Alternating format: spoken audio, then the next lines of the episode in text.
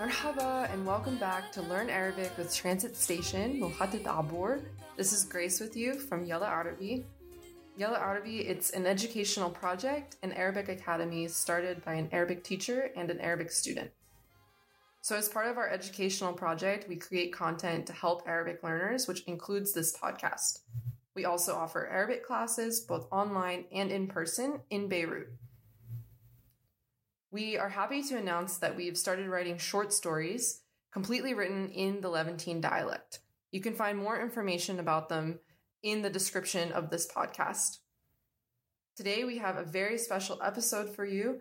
We are doing an interview with a living artist here in Beirut, Zovik Arnelian, and who is also the founder of Arnelli Art Gallery.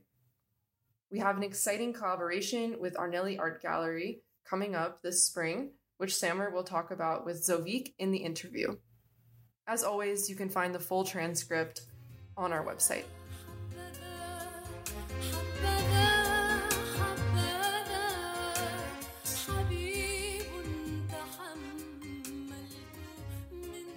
توفيق مرحبا مرحبا سامر كيفك انت؟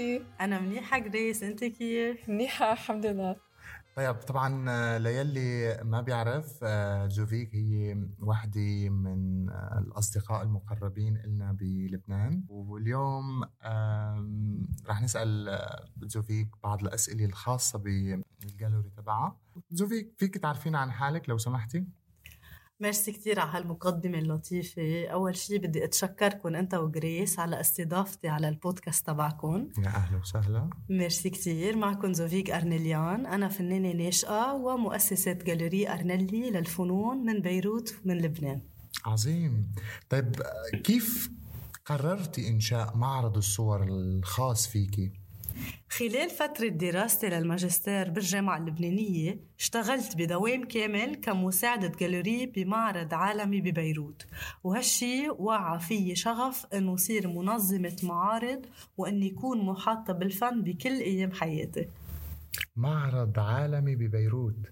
طيب زوفيك شو هي بعض أكبر إنجازاتك كمنظمة معارض بجالوري أرنيلي الفنية؟ أكبر الإنجازات يلي حققتها من خلال أرنلي هو إني فتحت الكثير من البواب للفنانين الموهوبين لحتى يتم استكشافهم من قبل مقتنيي الأعمال الفنية والمؤسسات الفنية من كل أنحاء العالم. عملنا الكثير من المعارض يلي برزت أعمال فنانين بلبنان وبرات لبنان. وفيك تشاركينا هيك يعني بعض الخطط المستقبلية للجالوري إذا ما عندك مشكلة. أكيد من بعد المعارض الناجحة ببيت مسك وبزيكو هاوس بلبنان والتعاون مع بلوم جاليري بإسبانيا ومنظمة جعالة اليابانية بالسنتين 2021 وال 22 عم نطلق معرضنا الجديد ببيروت بعنوان الحالة الإنسانية. صراحة عنوان كتير كتير حلو. بس ليش اخترتي هالعنوان؟ ميرسي أول شيء آه هو الفكرة أنه أنا ومنسقة المعرض منار علي حسن كان بدنا نعمل معرض يعكس الحالة الإنسانية بشكل عام وكان بدنا نعكس هالشي من خلال أعمال العديد من الفنانين قررنا نقسم مساحة المعرض لعدة غرف تعكس فترات حياة الإنسان مثل الطفولة مثلا والبلوغ من خلال العلاقات والحميمية والتجارب الصعبة أكيد مثل المرض والموت وين وإمتى رح يصير المعرض؟ رح يصير المعرض ب 28 نيسان ب Rebirth Beirut بالجميزة wow طيب كم فنان رح يشارك بهالمعرض؟ رح يكون معرض جماعي بيتضمن 14 فنان طيب آه، عبالك هيك يعني آه، تخبري مستمعينا كيف رح يصير في تعاون بين ترانزيت ستيج وبين أرنيلي أرت جالوري بهالمشروع؟ أكيد. غير إنه نحن موجودين على هيدا البودكاست يلا عربي رح يترجم كل النصوص الموجودة بالمعرض من الإنجليزي للعربي لكل زوارنا. ويلا عربي كمان رح تقدم جولات إرشادية لمتعلمي اللغة العربية حول الأعمال الفنية طول فترة المعرض. ورح يحصل كل الزوار على قصائم خاصة لدروس اللغة العربية مع يلا عربي. يا الله شكرا كتير زوفيك. بس بالنسبة لمستمعينا كيف بيقدروا يدعموا هالمشروع؟ تعرف بسبب الأزمة المالية المستمرة بلبنان كتير صعب نعمل كل شي لحالنا.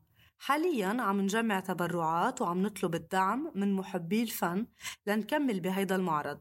منعرف إنه قدامنا الطريق طويلة بس عنا الثقة الكاملة بعشاق الفن من جميع أنحاء العالم لدعم الفنانين الناشئين ليحصلوا على الفرصة لعرض أعمالهم بالشكل الملائم وبدعم رواد الأعمال اللبنانيين لإطلاق أعمالهم.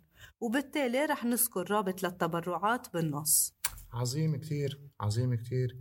آه، كانت عن جد مقابلة كتير رائعة وقيمة. آه، أنا بشكل شخصي تعلمت كتير. آه، من شجاعتك من آه، عصاميتك إذا بدك. وشكرا لانضمامك إلنا اليوم. نحن عن جد متحمسين كتير لمعرضك الجاي. وبالنسبة للمستمعين وإذا كنت عم تسمع هذا البودكاست من بيروت أو يمكن تكون ببيروت وقت المعرض نحن حابين نشوفك هنيك. ميرسي كتير كتير لك أول شي سامر وميرسي لجريس ول Transit Station. على هالمقابلة الرائعة ونحن كتير كتير متحمسين لهيدا التعاون